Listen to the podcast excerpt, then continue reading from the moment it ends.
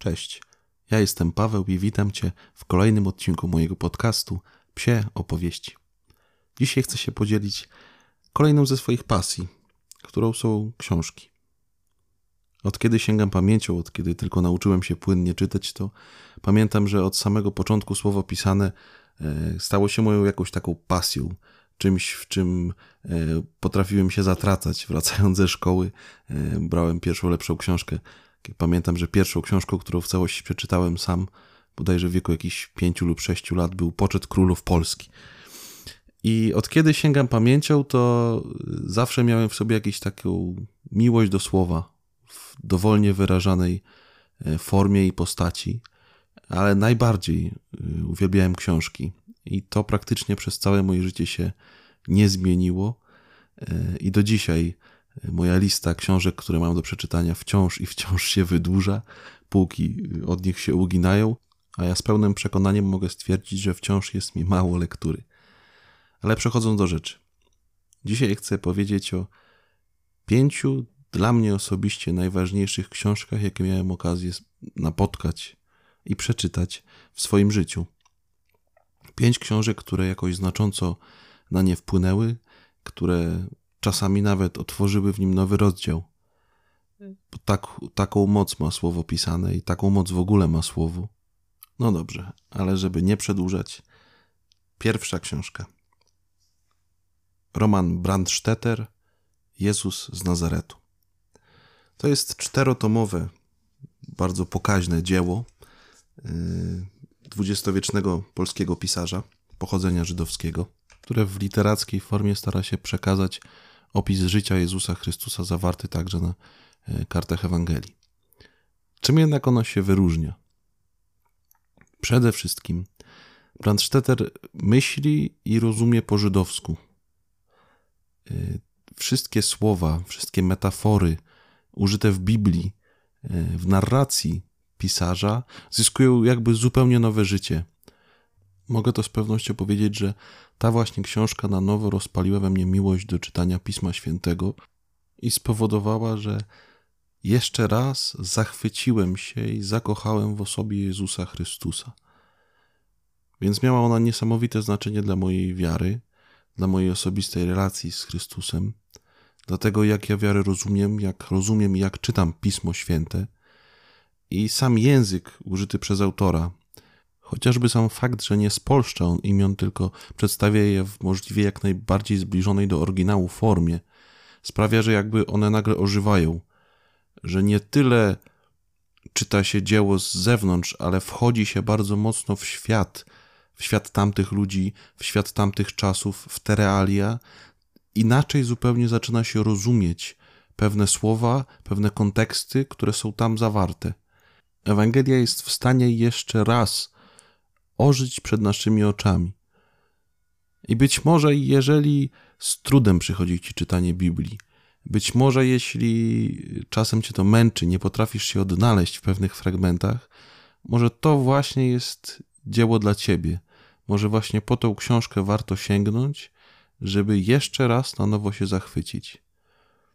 Sam życiorys Brandstettera jest niesamowity, ponieważ y, on urodził się w Polsce, czasie II wojny światowej wyemigrował do Palestyny i tam w Jerozolimie, w samym sercu judaizmu, nawrócił się na chrześcijaństwo.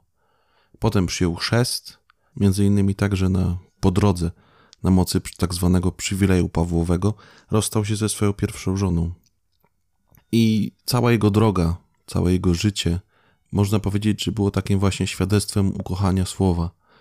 Ale żeby też nie być gołosłownym, to pozwólcie, że zacytuję krótki fragment e, samego dzieła. Tutaj akurat mój ukochany fragment, e, czyli opis e, ostatniej wieczerzy, opis ustanowienia Eucharystii. Tymczasem pod sklepieniem Jezusowych dłoni, nieruchomo zawieszonych nad prześnikiem, niewidzialnie uchodził żywioł mocy. Przenikał w chleb, wcielał się w niego i nasycał go sobą. Z początku trzepotał w chlebie jak przerażony ptak, który nieopatrznie wpadł w sidła. Wkrótce jednak oswoił się z ograniczoną okrągłością prześnika, a oswoiwszy się, uspokoił się i począł powoli, cal po calu, wypełniać go sobą, całą jego przestrzeń i przemieniać ją w pełnię, w doskonałe koło zajmujące ściśle określone miejsce, a zarazem nieokreśloną nieskończoność. Dokonał w chlebo wstąpienia. Stał się chlebem.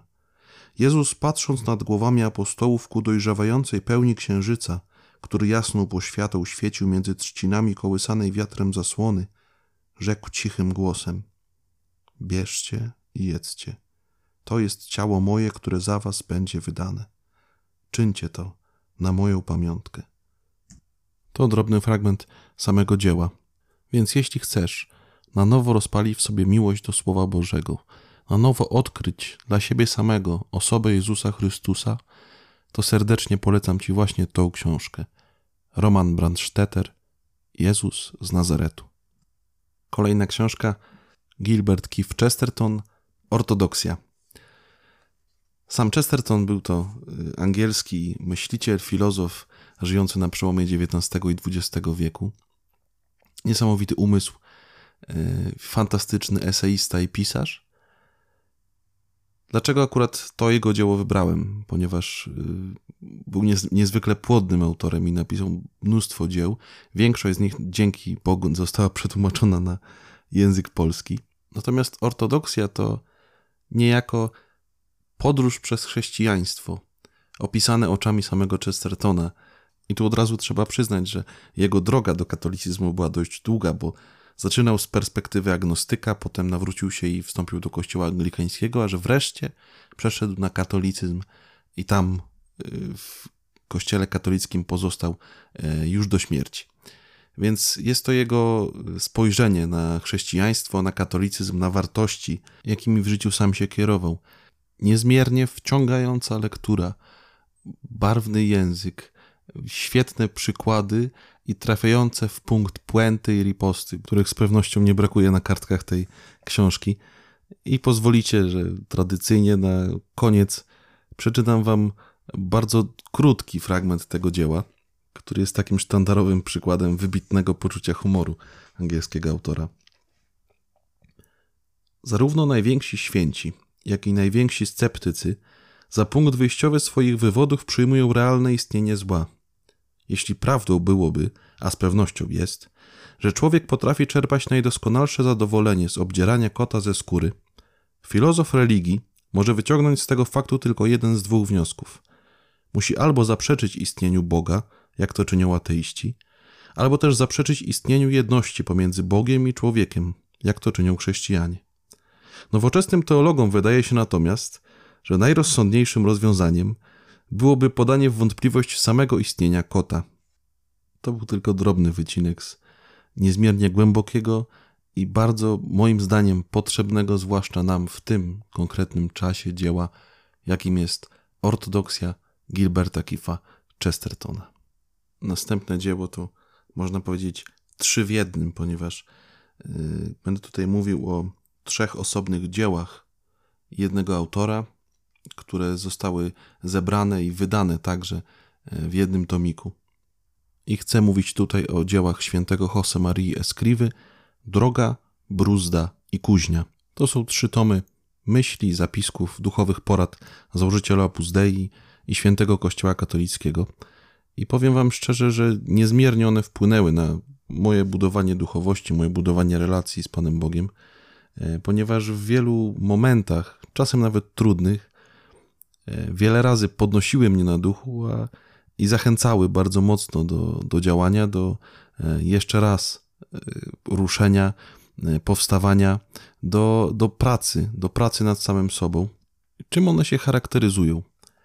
Przede wszystkim Święty Josemaria wcale nie owija w bawełnę, nie pisze jakimś wygładzonym e, językiem, który można powiedzieć unosiłby się pół metra nad ziemią, ale jest bardzo osadzony w tu i teraz, bardzo realistyczny e, i bardzo mocno stawia na, także na naszą pracę, na nasz wysiłek, na nasze zaangażowanie się w chrześcijańskie życie i po prostu naśladowanie Chrystusa. E, świetne przykłady Y, bardzo głębokie i bardzo pomocne myśli, y, porady, podzielone tematycznie. Każda z tych porad czy myśli posiada także swój własny numer. Są także odniesienia do Pisma Świętego, więc jest to taki bardzo kompleksowy poradnik życia chrześcijańskiego. To zdecydowanie nie jest książka na jeden raz, na jedną lekturę. Do tej książki się wraca dzień po dniu, tydzień po tygodniu, miesiąc e, po miesiącu. I pozwolicie, że przeczytam losowy numer e, otworzony metodą na chybił trafił.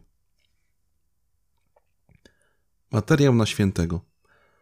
Tak mówi się o niektórych. To materiał na świętego. Pomijając fakt, że święci nie są z żadnego materiału, bycie takim materiałem nie wystarczy. Konieczne jest wielkie posłuszeństwo wobec kierownika duchowego i wielka uległość wobec łaski Bożej. Bo jeżeli nie pozwoli się działać łasce Bożej i kierownikowi duchowemu, nigdy nie ukaże się rzeźba, wizerunek Jezusa, w którego przemienia się człowiek święty. A materiał na świętego, o którym mowa, pozostanie bezkształtnym, nieobrobionym klocem drewna nadającym się na ognisko, na porządne ognisko, jeżeli był dobrym materiałem. Moim zdaniem warto sięgnąć po tą książkę, czy to trzy tomy zabrane razem, czy pojedynczo. Moim zdaniem są to najlepsze z duchowych książek napisanych w XX wieku. Czwarta książka Henry Nouwen, Dziennik z Genezji. To jest dzieło e, holenderskiego księdza, który był wykładowcą w wielu instytutach e, teologicznych, wykładał duchowość i w pewnym momencie pod wpływem wewnętrznego natchnienia zdecydował się wyjechać i na rok zamieszkać we wspólnocie trapistów Genezji w Stanach Zjednoczonych. I w skrócie ta książka jest właśnie zapisem jego pobytu, dziennikiem, który prowadził podczas tego roku i świadectwem przemiany człowieka, świadectwem co dzieje się wtedy, kiedy otwieramy się na modlitwę, kiedy otwieramy się na działanie Boga w naszym życiu i pozwalamy mu nas przemieniać. Przyznam szczerze, że ja czytałem ją dość długo, ponieważ każda kolejna notatka mnie e, jakby zachwycała i e, rozpalała we mnie jakiś ogień gorliwości.